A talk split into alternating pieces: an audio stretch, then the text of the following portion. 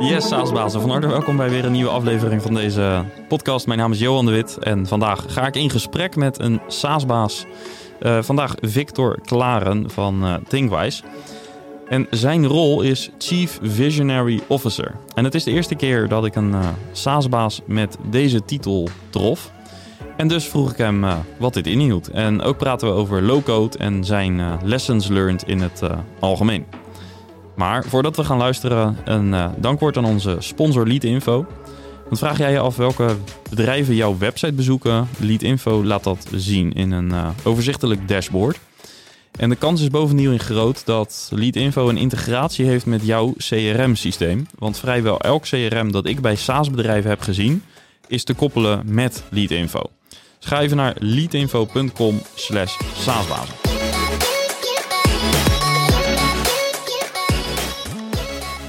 Ja, Victor, van harte welkom. Dankjewel. In de podcast. We hopen dat jouw stem het vandaag gaat houden. Ja, het is een beetje op het randje. Ja. nou in een half uur, een half uur moet hij precies volhouden.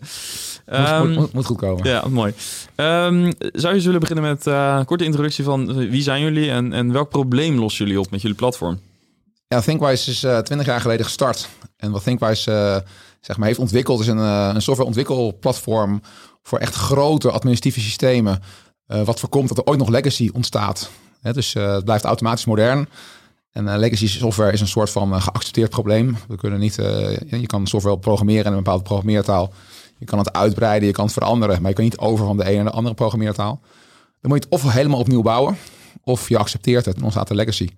Nou, beide is heel vervelend. wij hebben het platform om te zorgen dat er nooit meer legacy ontstaat. Ik denk dat er bij de luisteraars nu heel veel oren gespitst zijn, want dit is nogal een belofte. Het is een gigantische belofte. En, maar goed, aan de ene kant wordt het probleem best wel genegeerd. En aan de andere kant wordt het probleem ook nog elk jaar groter. Uh, als je kijkt hoeveel legacy software vandaag de dag er is, wat gebouwd is door ontwikkelaars 20 jaar geleden, die daar niks aan kunnen doen. Hè. Dat is helemaal geen blame, want die gebruikten gewoon een programmeertaal die toen modern was. Um, maar dit probleem is helemaal niet opgelost. En vandaag de dag hebben we veel meer ontwikkelaars die nog veel productiever zijn. Dus als je denkt dat het legacy-probleem uh, vandaag de dag groot is, nou berg je dan maar voor wat er over tien jaar gebeurt. Dit ja. wordt, wordt, alleen nog maar groter. Hm. Is het niet zo dat software uh, na het committen sowieso legacy is, in, in zekere zin? Ja, best wel snel, omdat natuurlijk er komt steeds nieuwe technologie en die komt steeds sneller. Hè, vroeger kon je met COBOL kon je nog een keer 30 jaar doen, maar met de technologie van vandaag de dag kan je geen 30 jaar doen. Dus er komt steeds meer nieuwe technologie, die moet je sneller toepassen. Je bent steeds meer aan het vervangen. Dat is ook wat stom. Het is geen branche die zo vaak dezelfde producten vervangt als software. Ja, en we noemen ons heel innovatief. Maar eigenlijk zei je al eerder van ja, het is zo innovatief. Nee, het is de vraag of wij heel innovatief zijn. Eigenlijk niet. Ik Qua vind workflow software, niet, zeg maar. Nee, de softwarebranche zelf is best wel ambachtelijk. Weet je, we schrijven miljoenen regels code om iets uh, te maken. Uh, dat doen andere industrieën uh, anders. Dus ja. we zijn best een ambachtelijke industrie. Wat, wat, heeft jou geïnspireerd dan om, om deze richting op te kunnen? Nou, dat komt een beetje uit het verleden wel. Dat tien jaar, ik heb tien jaar voordat ik Thinkwise begon, heb ik tien jaar lang in de EEP-business gewerkt. Um, eigenlijk het eerste jaar als adviseur om, om een EEP-pakket te selecteren voor de klant. Um, nou, ik was toch wel meer techneut dan ik dacht. Dus na een jaar ben ik overgegaan echt naar een leverancier die ik zelf had geadviseerd. Dus ik had een leverancier geadviseerd aan een klant.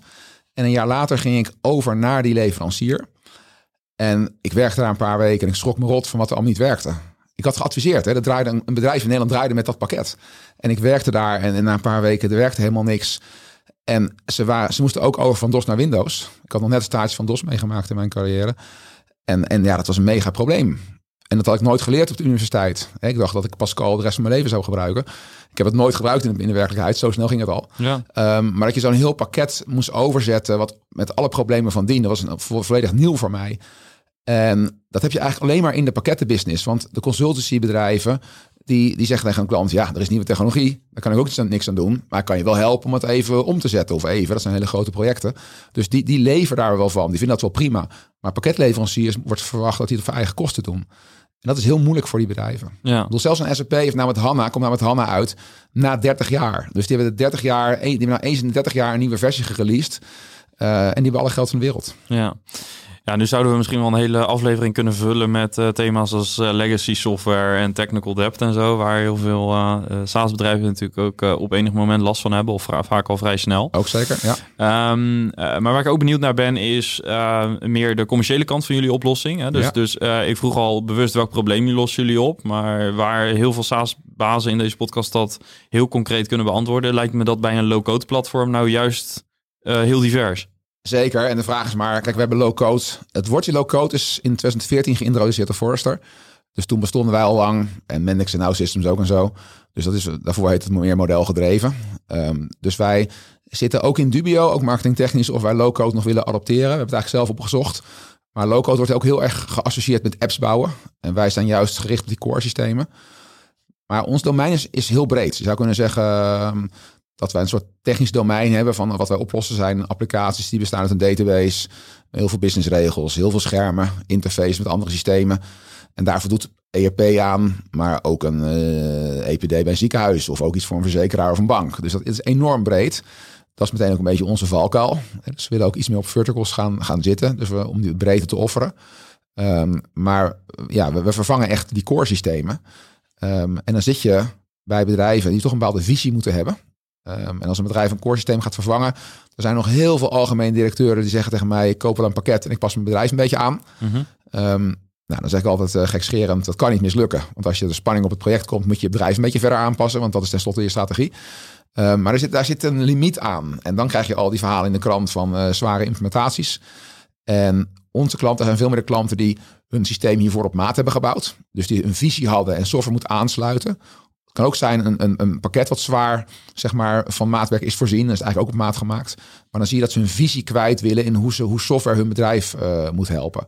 Maar goed, dat staat ook niet op de, op de gevel. Dat kan elk bedrijf zijn in elke branche. Ja. Uh, maar die zoeken wij wel. Uh, maar dan kom je eigenlijk een beetje uit in maatwerkoplossingen klanten met visie die vinden dat software volgend moet zijn op hun visie. Ja. En, niet, en niet een klant die zegt ik volg een best practice. Wat, wat goed kan helpen hoor. Um, um, maar dan, dan ben je, onderscheid je in ieder geval niet qua IT. Nee. En um, kun je ons een beetje meenemen in uh, zeg maar zo'n gesprek met een bedrijf dat inderdaad in jouw ogen dan de, de visie heeft om zelf zoiets te ontwikkelen? Um, en die de vraag bij jullie neerlegt: wij willen dit systeem wat we nu hebben, willen we vervangen door een platform zoals jullie. Hoe ziet jullie project aanpak eruit, zeg maar van, van A tot Z, even op hoofdlijnen? Ja, zeker. Nou goed, we hebben um, eigenlijk over, over legacy software wordt wel soms negatief gedaan, hè, want het is allemaal verouderd, oude meuk. Dan zegt een pakket, kijk, wij hebben het heel nieuw, dat moet je hebben. Maar Bedrijven zijn soms ook wel trots op legacy software. Soms is het functioneel. Kijk, de technologische veroudering accepteer je omdat er functioneel iets heel bijzonders in zit. Um, en en uh, dat bijvoorbeeld een, VDL had het ook. Die had een, een, een EEP gebouwd in RPG zelf op maat. En normaal EEP-systeem met drie pijlers: verkoop, productie en inkoop. En er zit dan alles achter: expeditie, facturatie.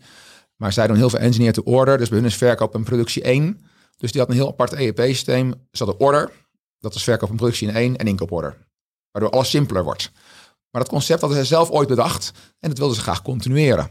En dat kon om met ons platform hun systeem te moderniseren en daarna door te ontwikkelen. Ja.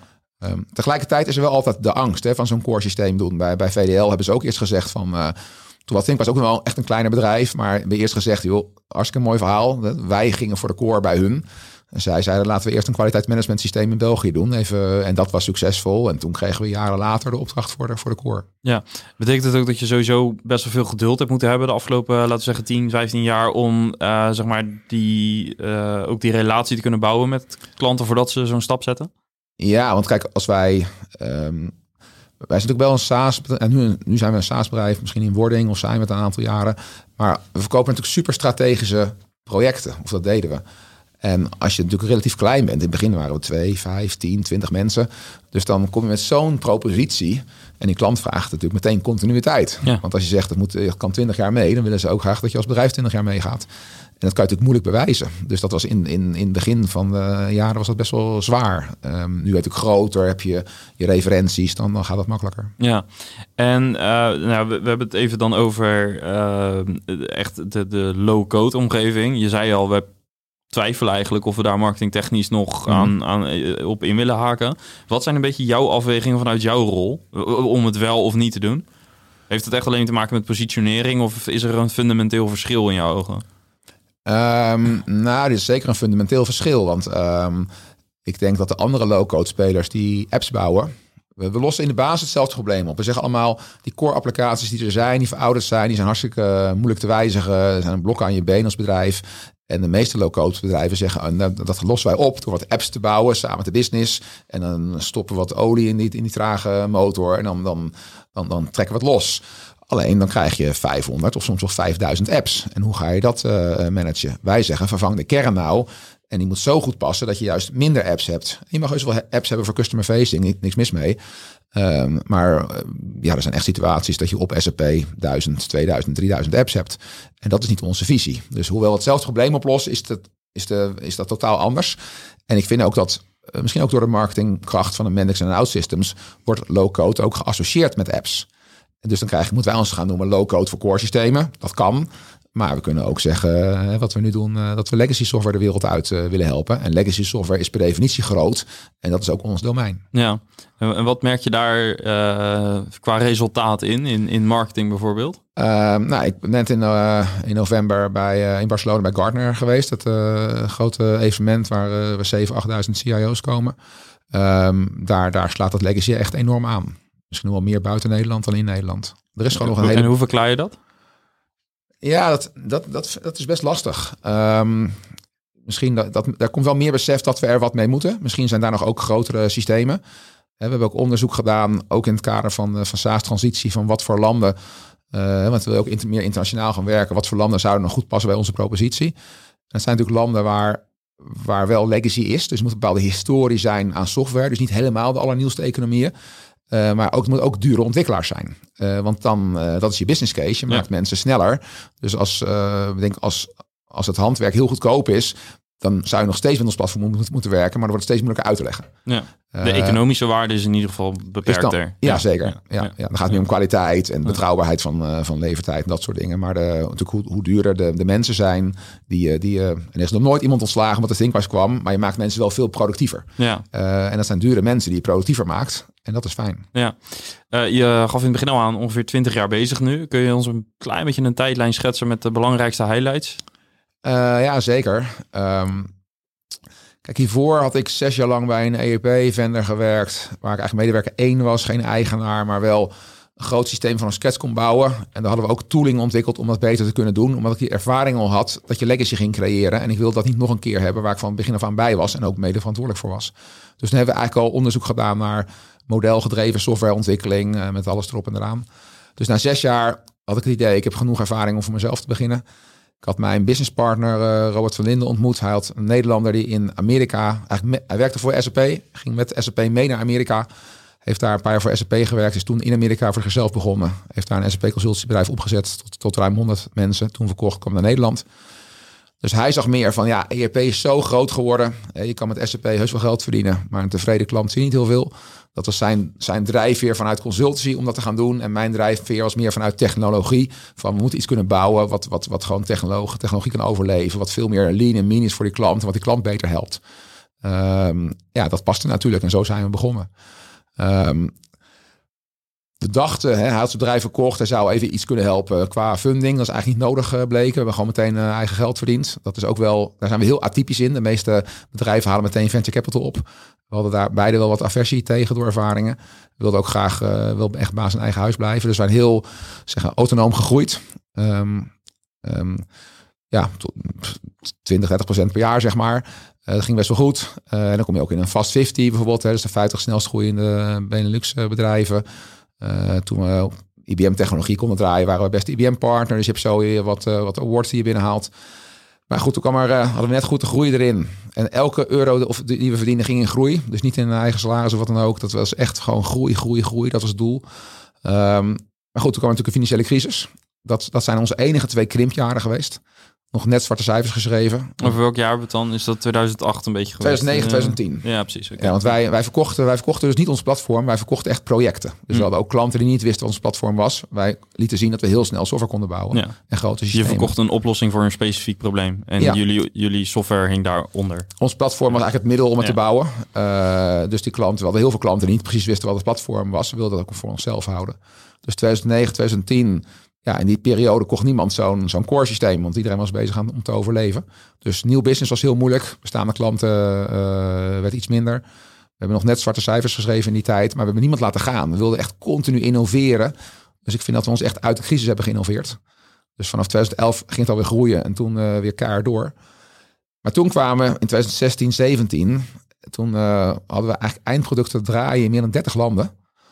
Alleen maar via Nederlandse bedrijven. Dus niks in het buitenland verkocht, maar een Nederlands IT-bedrijf wat het in Europees uitrolt. Een Nederlandse holding die het dicteren voor de wereld. Maar, maar dat, we draaiden wel meer dan 30 landen. En um, we zaten ook in een lineair groeimodel. Dus een nieuw project betekent nieuwe mensen aannemen. En dat werd steeds moeilijker. Dus we dachten, ja, dat lineair groeimodel, dat helpt ons niet op lange termijn. Het internationaal wordt het steeds moeilijker. Zelfs dichtbij kregen we een project in het oosten van Duitsland. Nou, dan kom je erachter dat ze daar niet goed Engels spreken. Hij komt er ook achter dat je eigen mensen niet goed Duits spreken. Dus dan, dan zit je alweer. Dus we, moeten dat gaan doorbreken. En dat was wel het moment dat we hebben gezegd van... Uh, het platform is zo volwassen. We hadden een VDL probleemloos live met 40 fabrieken. We dachten, we gaan het platform zelf vermarkten. Ja, en, en eh, los van uh, de, de situatie uh, zeg maar in 2009, 2010, kredietcrisis... Wat, wat is een ander, wat lastiger moment geweest als je nu terugkijkt? Um, corona, denk ik. Um, maar dat was meer even schrikken. Niet dat het uh, achteraf lastig bleek te zijn. Maar toen het, um, toen het begon, wist je het gewoon echt even niet. want ik moet... Uh, ik krijg thuis ook nog eens te horen. Want mijn, uh, mijn vriendin zei in januari al van... wat er in China gebeurt, kan dat je bedrijf raken. Dus ik zei nog, net wel, nee, dat, is, dat, dat komt hier nooit. En dat soort dingen. Dus daar werd ik dus regelmatig hoor ik thuis nog waar die V in mijn titel nou voor staat. Want dat ging daar even mis. Daar gaan we het zo over um, dus, um, dus ja, weet je, op het moment dat het helemaal loskomt, weet je niet uh, wat dat gaat betekenen. En we hadden natuurlijk wel een heel mooi breed klantenbestand. Uh, iedereen bleef ook gewoon goed betalen. Weet je, factureren is één, maar betalen is twee. Um, dus ik denk de breedte van ons klantenbestand uh, maakt, maakt het goed en we groeiden gewoon elkaar door. Um, dus dat was, gaf wel onze stabiliteit aan. Dus er is niet echt een probleem geweest. Behalve dat je wel geschrokken was. Want je wist niet helemaal wat er zou gaan gebeuren. Ja, het is meer onzekerheid. Ja, omdat het zo anders is, zo heftig in één keer. Iedereen thuis. Ik bedoel, we gingen op een vrijdag gingen we iedereen thuis werken. En die maandag, diezelfde week, wisten we het nog niet. Nee. Dus het ging zo hard in één keer. Ja. Dat je niet helemaal weet wat op je afkomt. Maar al met al onze delivery manager zei al drie, vier maanden later van we moeten echt mensen aannemen. Nou, ik zag even water branden. Ik denk, uh, ik zat een beetje in de overlevingsstand. Maar ja. hij rekende het voor. We moesten echt alweer gaan aannemen. Ja. Uh, nu zijn dit wat meer de externe factoren, zo'n crisis en, en, en corona. Kun je ook uh, voorbeeld geven van situaties die echt lastig zijn geweest als gevolg van bijvoorbeeld een beslissing die je hebt genomen of iets wat, wat meer intern was, waarvan, waar je nu op terugkijkt en denkt, wat zou ik met de wetenschap van vandaag anders doen? Um, ja, wat wij Kijk, onze software wordt gedefinieerd in modellen. En wij zorgen ervoor dat een klant uh, naar nieuwe technologie over kan. We zeggen, we volgen de main technologie. Is dat we altijd een klant kunnen overnemen naar nieuwe technologie. Maar we moeten ook wel, we moeten wel gaan bepalen wat dan die, die main, mainstream technologie is. Um, want dan moet er heel, we pompen er heel veel geld in om dan zo'n nieuwe technologie te ontwikkelen die weer zo hetzelfde model kan ontsluiten. Dat moeten we elke zeven jaar doen. Onder andere alleen al in je team bijvoorbeeld. Uh, de de ja, expertise, uh, jullie technologiekeuze. Ja, en of het kan. Want we doen heel veel, ja, heel veel met runtime interpretatie, maar het is allemaal echt wel wat we doen, cutting edge technology. En soms kan zo'n programmeertaal het zelf niet. Dus we moeten ook goed kijken of die programmeertaal het aan kan. Of, dus of, heel veel R&D eigenlijk. Ja, heel veel. Ja. maar als je dat doet en het wordt er niet met een jaar bezig met 30, 40 man, uh, dan wordt het wel een beetje pijnlijk. Um, dus wij hebben wel, we zijn een keer een Java-kant opgegaan die we achteraf niet, niet wilden. Dat heeft wel een hele grote klant gebracht. Dus die hadden misschien zonder dat niet gedaan. Dus een beetje, ja, of we hadden moeten verkopen en geen Java moeten doen en anders moeten we argumenteren. Dat heeft wel veel geld gekost, maar ook een grote klant gebracht. Uh, met Angular zijn we gestopt na aan vier, vijf maanden, terwijl het ontwikkelproces al hadden afge, of het evaluatieproces al afgerond. Toen zijn we toch naar React overgegaan. Um, ja, dat zijn wel beslissingen die kunnen serieus geld uh, kosten. Dus die moet je snel terugdraaien. Ja. Wat, wat heb je ervan geleerd van die beslissingen en, en alles wat er omheen zit?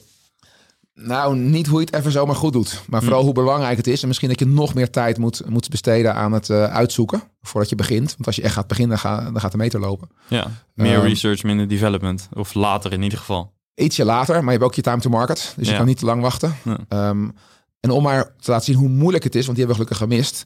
We, we praten vaak over continuïteit en, uh, en dat met Microsoft en IBM zit het, maar, zit het wel goed. Maar Microsoft heeft natuurlijk niet zo heel lang geleden een Silverlight gelanceerd. Uh, als mainstream technologie voor, voor webapplicaties. En dat is ook teruggedraaid. Uh, weet je wel, dus, dus we hebben echt wel bedrijven gehad met 100 man jaar Silverlight ontwikkeling die nooit de markt op zijn gegaan. Ja. Dus die continuïteit hangt niet zozeer vast aan de leverancier, meer aan de, aan de producten. En als wij voor een Silverlight hadden gekozen, hadden wij ook daar gewoon zomaar 40 miljoen ingestopt kunnen hebben om onze technologie stekker te bouwen voor onze klanten. Ja, dat zijn dingen die moet je echt voorkomen. Ja. Uh, je zei net zelf al, waar staat die uh, V voor in, uh, in mijn titel? Chief Visionary Officer. Ja. Um, kun je vertellen wat die rol inhoudt?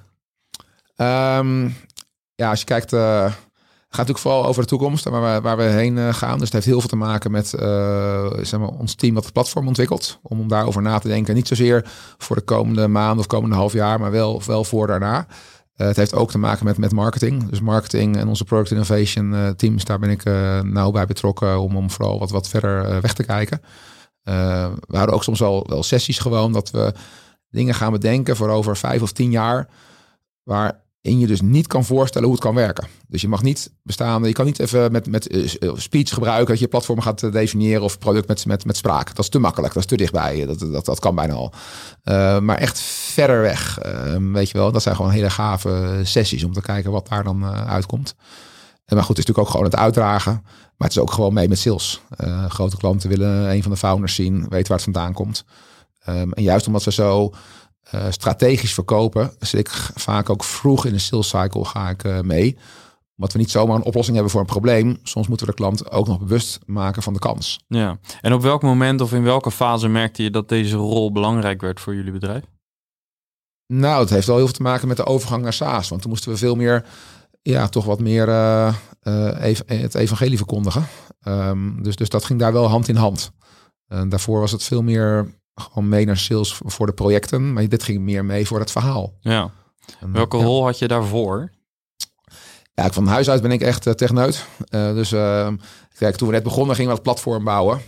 En, maar goed, als je met z'n vijven was of z'n zeven, deed iedereen alles. Hè. Dat is niet zo georganiseerd. En dat is echt, dan zit je meer in een overlevingsstrategie en, en probeer zo hard mogelijk te groeien. Um, maar lag mijn hart wel echt bij het platform ontwikkelen. Um, nou, later onze huidige CTO Jasper Kloos, die uh, ook een van de medewerkers van het eerste uur, die nam dat perfect op en heeft ook dat, uh, dat, dat stokje overgenomen. Dus met hem sprak ik nog wel veel in de rol van, van CVO, maar hij, hij regelt het allemaal. En toen heb ik een tijd lang de, de projecten gedaan vanuit projectorganisatie. Dus meer de ja, delivery manager zou je kunnen zeggen of COO. En uh, ja, ik denk ik weet niet precies sinds wanneer, maar 2018, 2019 is die titel bedacht. Hm. Ik heb niet eens zelf bedacht eigenlijk, maar ik vind het wel een mooi titel. Ja, hoe kwam die tot stand? Ja, ik, ik, ik weet niet meer zo goed. Iemand kwam daarmee. Het was ook echt op gegoogeld. Het bestond zeker wel hoor. Ja. Uh, maar je hoort het niet zo vaak. Nee, nee, klopt. Ik denk nee. dat je de eerste bent in de podcast die oh, ja? uh, de okay. titel draagt. Nee, ja. zeker. Het is niet altijd zomaar dat het uniek voor Thinkwise is. Als je gaat googlen, komt hij echt vaker voor. Ja. Maar natuurlijk niet zoals een CEO of een CIO. Nee.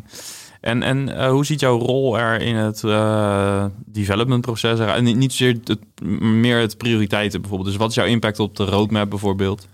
Nou, dat, is dat zijn we eigenlijk nu aan het veranderen. Um, want ik vind juist het productmanagement wat het verder weg zit, dat moeten we nu ook um, gaan formaliseren. Omdat je ook steeds meer klanten krijgt. Klanten moeten daar meer impact op kunnen hebben. Um, en dat is juist ook een heel spanningsveld, want wij doen ook wel eigenwijze dingen omdat we denken dat we iets moeten doen waar een klant niet om vraagt. Dus, dus klanten vragen zeker praktische dingen wat, wat goede ideeën zijn, waar we in mee moeten. Maar we willen ook weer vernieuwen naar de, in de volgende stap. En uh, dat heb je natuurlijk altijd met beperkt aantal resources.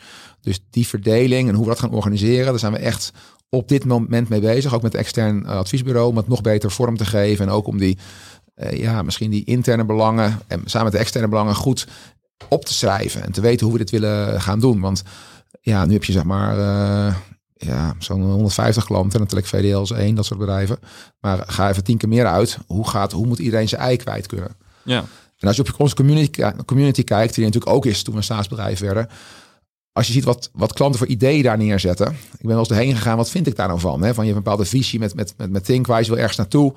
Zetten, zitten die hele rare dingen neer? Of wat, wat, wat vind je eigenlijk van al die ideeën? En dan ben ik gewoon eens een keer een halve dag door al die ideeën heen gegaan. Ja, ik zou 99% had ik willen hebben. Hm. Dus allemaal in de Thinkwise gedachten. Echt super gewoon om te zien. Um, dus dat wil je sowieso. Maar tegelijkertijd wil je ook nog wat verder wegkijken om, om, om, uh, ja, om dingen toe te passen voor de toekomst. Ja, uh, ik kan me voorstellen dat je vanuit de CTO-rol op een gegeven moment, uh, als je naar deze rol toe groeit, dat je hier juist iets meer rust voor nodig hebt, iets meer langere termijn, terwijl je als CTO volgens mij ook in de dagdagelijkse brandjes terechtkomt, in, in, zeker in een fase waarin je ook nog de transitie hebt naar SaaS. Dat is een, lijkt me een Zeker. vrij hectische job. Ja. Dit klinkt voor mij iets meer, iets meer afstand, iets meer rust. Klopt dat ook? Ja, het is ook zo. En, en hoe heb je dat ervaren in het begin? Hoe was het om bijvoorbeeld die, die hectiek van de, en de grip misschien ook een beetje los te laten? Nou, het was natuurlijk wel, dat, dat moet ik zeker. Ik moet zeker niet op, op Jasper's stoel gaan zitten. En dat doe ik ook niet. Uh, want die heeft echt die ruimte nodig en een hartstikke goede job.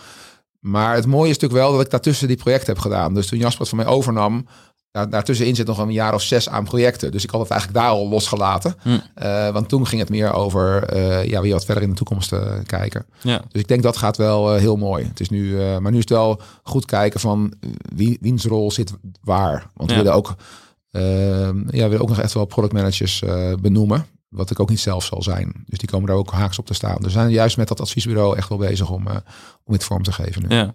Wat is echt je nummer één uitdaging als uh, Chief Visionary Officer? Um, ja, dicht een beetje aan welke tijdlijn je, je kijkt. Ik denk nu voor, het, voor nu is het echt weer om een aantal dingen. Er zijn ideeën wat we de komende jaren willen, willen ontwikkelen. Uh, die zullen verder moeten uitwerken en ook toetsen aan, aan klanten en toetsen aan, aan marketingperspectief. Dat is denk ik belangrijk voor volgend jaar, maar staat niet voor, uh, ja, voor morgen uh, in brand. Um, tegelijkertijd hebben we, we hebben het ook. Marketing was voor ons ook nieuw. Hè? We hebben, toen we projecten deden, zaten we altijd vol. We hadden geen marketing, we hadden alleen sales.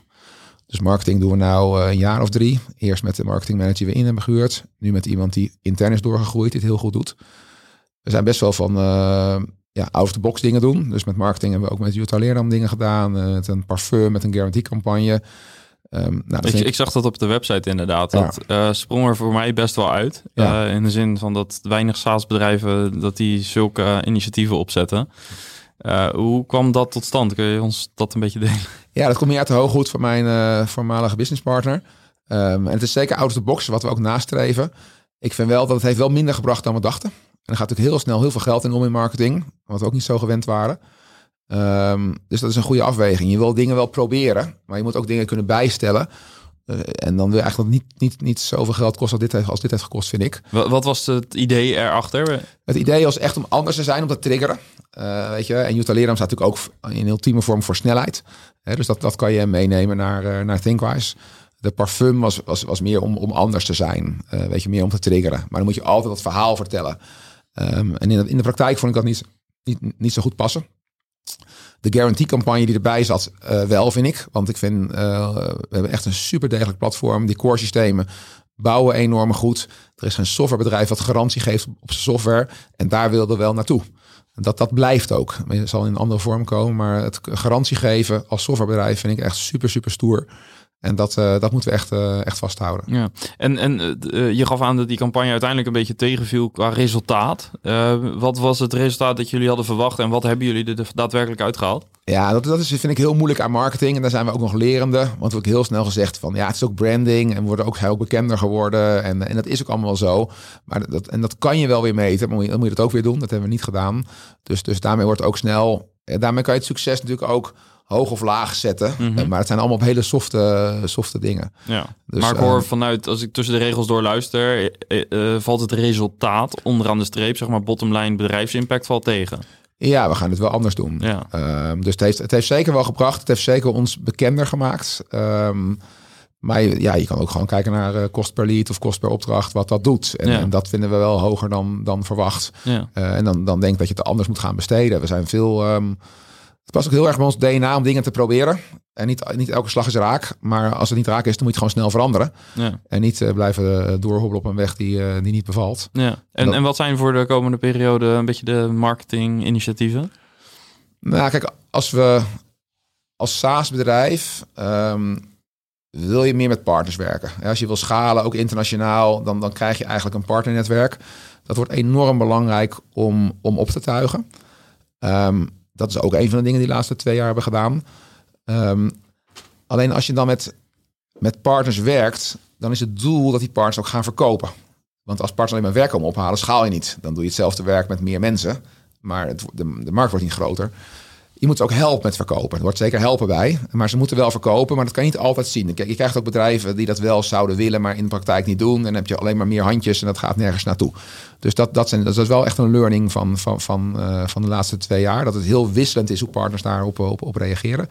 En wat we met ons marketing eh, zouden willen doen, is meer samen met die partners. Dus wij gaan marketingbudget beschikbaar stellen aan een partner voor zijn bedrijf over ons product. Hij moet het wel matchen. Of er moet, moet een bepaalde verhouding in. Dus hij moet meedoen. En dan heb je ook een beetje dat kaf van het koren scheidt. Heb je, heb je ook voor de Thinkpress community eigenlijk dubbel budget, hè? of misschien wel meer. En meedoen heb je het ook over budget, over Absoluut. tijd Ja, investeren. absoluut. Ja, precies. Ja. Maar dan mag hij het wel. Het zijn zijn projecten. Die Ja. hij alleen maar doet met ons platform. Maar het zijn zijn projecten. Ja. Eh, Je moet zo zien als wij we willen. Kijk, als SaaS-bedrijf zijn we natuurlijk alleen maar geïnteresseerd in die licentie.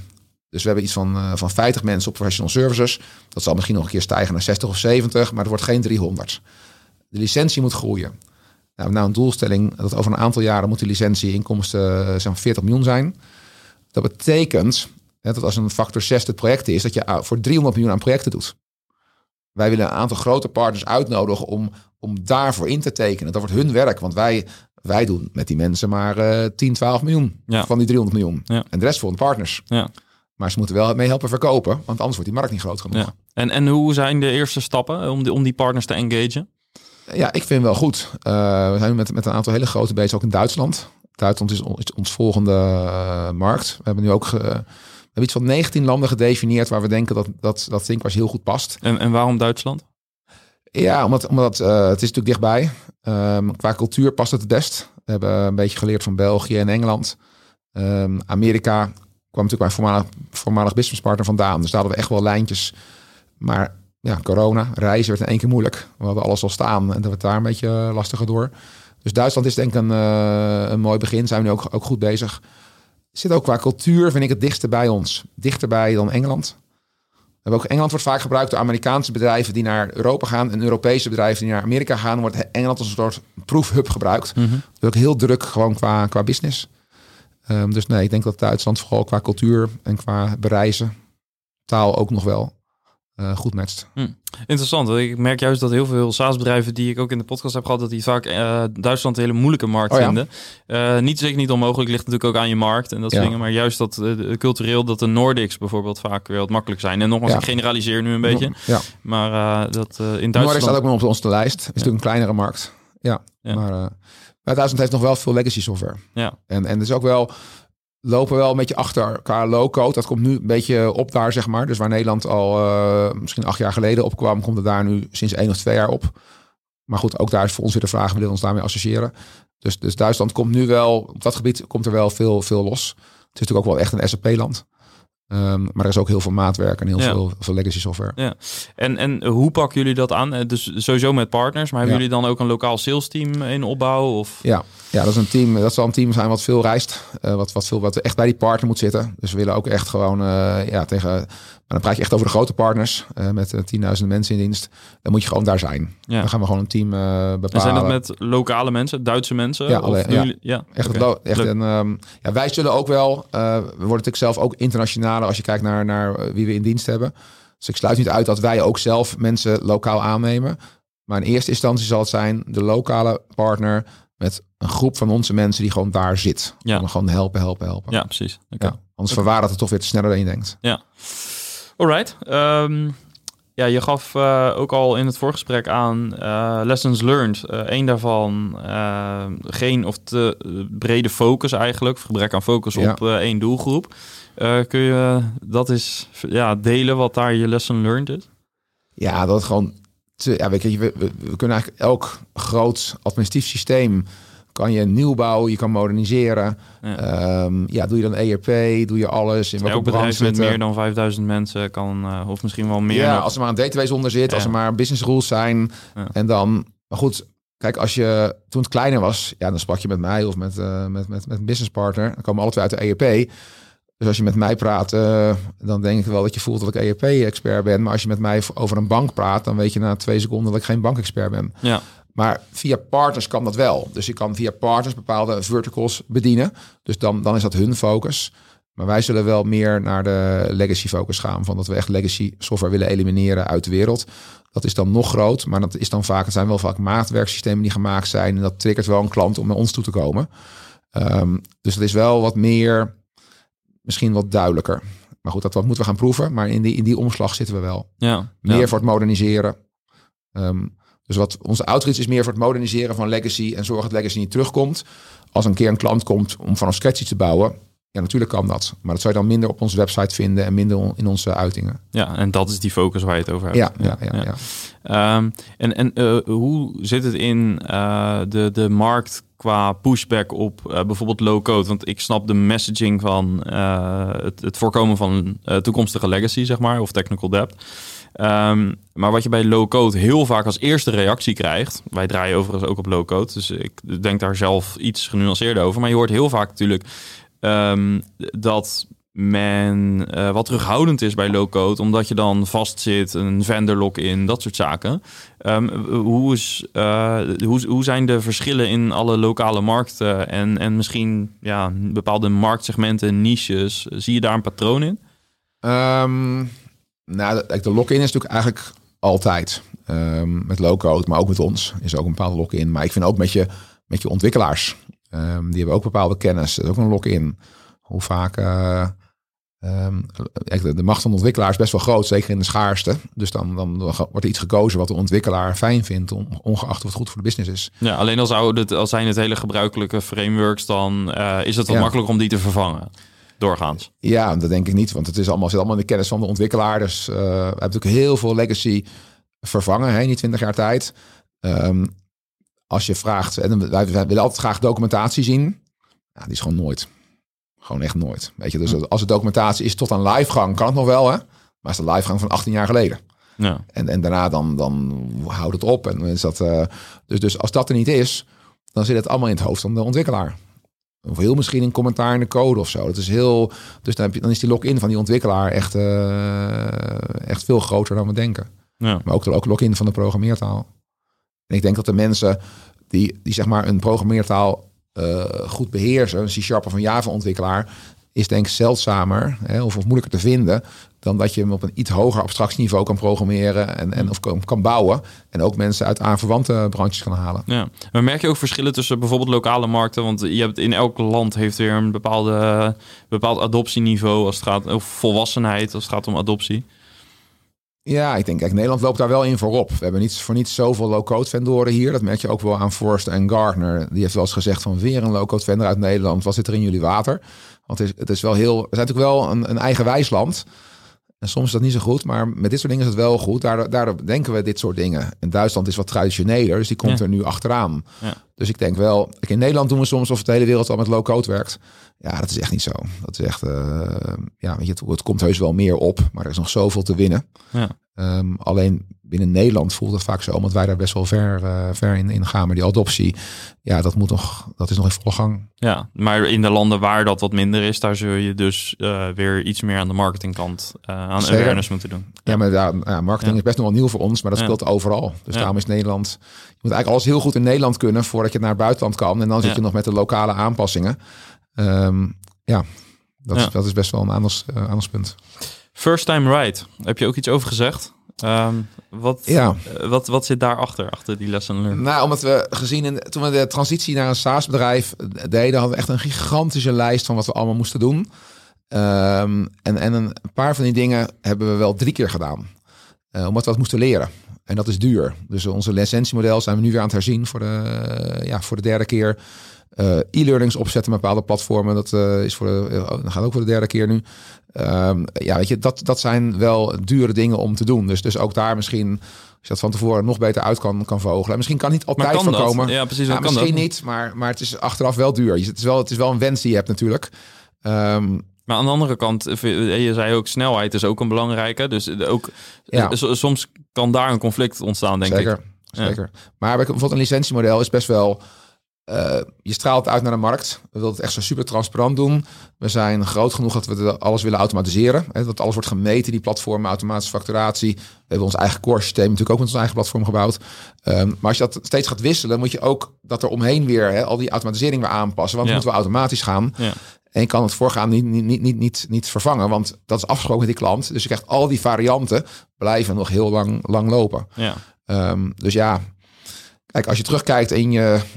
Ik hou wel van terugkijken en kijken wat er beter kan. Ik bedoel, als je niks van het verleden kan leren, dan kun je ook niets van in, de toekomst sturen. Um, maar dit, dit hoort wel bij de lijst wat ik liever niet had gehad. Ja. Ehm, toch klinkt hij achteraf eh, wat makkelijker natuurlijk dan dat hij op, eh, op voorhand is. Want first time right, Ja. we willen het allemaal. Ja. Ehm, maar eh, bijvoorbeeld, wat is het grootste project wat er nu op jouw bord ligt? Als, als project, poeh, nee, ik denk meer nu, nu zeg maar concreet. We zijn nu een aantal ideeën die we voor de, voor, voor, de, voor de toekomstige jaren willen doen. Dat verder uitwerken, want dat zal bij onze Product Innovation Team moeten worden opgepakt en zal ook een marketing eh, consequentie eh, hebben. Dus dat, dat is voor nu, om dat te concretiseren, is, eh, is belangrijk voor volgend jaar. En, en wat is daarin een grote beslissing of, of dilemma? Ehm, nou, er zijn een aantal ehm, ehm, keuzes. Dus bijvoorbeeld, we zijn, we zijn heel goed in software moderniseren. Als in, in één applicatie. Eh, Dat kunnen we voor hele grote assistenten doen we vaak ook als onderdeel van, van, van een sales traject. Dus men stuurt, eh, we tekenen een NDA, ehm, geheimhouding. En dan, dan wordt er de backup gestuurd van, van die legacy applicatie. Die gaan wij in de basis moderniseren. En hebben we echt na een aantal weken een demo dat hele directie van zijn stoel valt. Dat kunnen we echt enorm goed. Dat willen we eigenlijk nog groter maken. Dat we het hele applicatielandschap zouden kunnen in kaart kunnen brengen en kunnen automatiseren. Dat je een soort plugin in een bedrijf kan stoppen die gewoon overal applicaties zoekt en kan integreren. Als weet je, het klinkt heel wild. Mhm. Ehm, en dan loopt ik graag allemaal security dingen aan. Maar dat, dat is echt heel gaaf om, om te onderzoeken. Ehm, ik denk dat daar niet zo heel veel discussie over is. Maar een ander punt is, omdat we alles... De modellen sturen meteen de software aan, de runtime. Dus als je model verwijzigt, is ook de software meteen aangepast. Alle minuut wordt niks gegenereerd voor alle seconden. Dus wij zijn heel goed om software zelflerend te maken. Ehm, daar, dat is ook nog echt goed om te onderzoeken wat het allemaal betekent en of klanten daar klaar voor zijn. Maar daar hebben we echt al prototypes van, Hm. van draaien. Dat als je als gebruiker gebruik je onze software en die verandert continu om jou beter te ondersteunen. En, en, en hoe zou je dat first time eh, right principe daarin kunnen toepassen? Ja, dat is best wel moeilijk, want je kan eerst kijken, want daar hier begin ik te twijfelen of we dit in hoeverre we aan klanten dit moeten toetsen of dit gewoon moeten doen. Want in het verleden hebben we ook dingen je gedaan. eigen visie, zeg maar. Ja, zeker. Ja, ja, Om, omdat eh, er zijn natuurlijk een aantal dingen ook in het verleden bedacht waar geen klant om vroeg, die heel groot zijn geworden. Juist de latente behoeftes zijn vaak de knallers. Want als een klant het zelf kan overzien, dat is de logische vervolgstap. Ja. Maar iets dat heel nieuw is, dat kan in één keer heel groot worden. ja, Ehm, dus daarom is dat een, altijd een spanningsveld wat je wel niet met een klant afstemt. ja. Ja. Eh, heb je nog tot slot een finale tip die je zou willen delen met eh, de luisterende SaaS-bazen of iemand die nu overweegt om een eh, Chief Visionary Officer aan te stellen? Ja, dat moet je zeker doen natuurlijk. Ehm nou goed, wij hebben wel... ehm, we hebben, kijk, een aantal jaar geleden heb ik wel met een businesspartner toen gezegd van we moeten uit de operatie. Dus we willen ons eigen bedrijf zo opvoeden dat zij het bedrijf kunnen runnen zonder ons. Ehm, die keuze hadden we eerder moeten maken. Hm. Misschien is dat wel mijn grootste tip. Ga, ga, probeer zo snel mogelijk je bedrijf zo te organiseren dat het zonder jou kan draaien. Ehm, toen ik ehm, deze rol kreeg, was mijn eerste reactie: wat ga ik dan eigenlijk doen? Hm. Nou, ik heb nog geen, geen week dat ik dacht van ik heb twee dagen niks te doen. Eh is het bomvol. En toen dacht ik van, jee, wat heb ik voor die tijd allemaal dingen niet gedaan die ik nu heel belangrijk vind. Ja. Dus maak jezelf maar zo snel mogelijk overbodig. Je wordt het niet, maar je gaat hele andere dingen doen. En het is echt super gaaf. En wa- wat is de sleutel om dat succesvol te doen? Ehm, ja, je moet, je moet in ieder geval een MT inrichten. En, en, en ook de, en dan het vertrouwen en verantwoordelijkheid geven om, om dat te doen. En dat is best nog wel met vallen en opstaan. Ook bij ons nog wel steeds.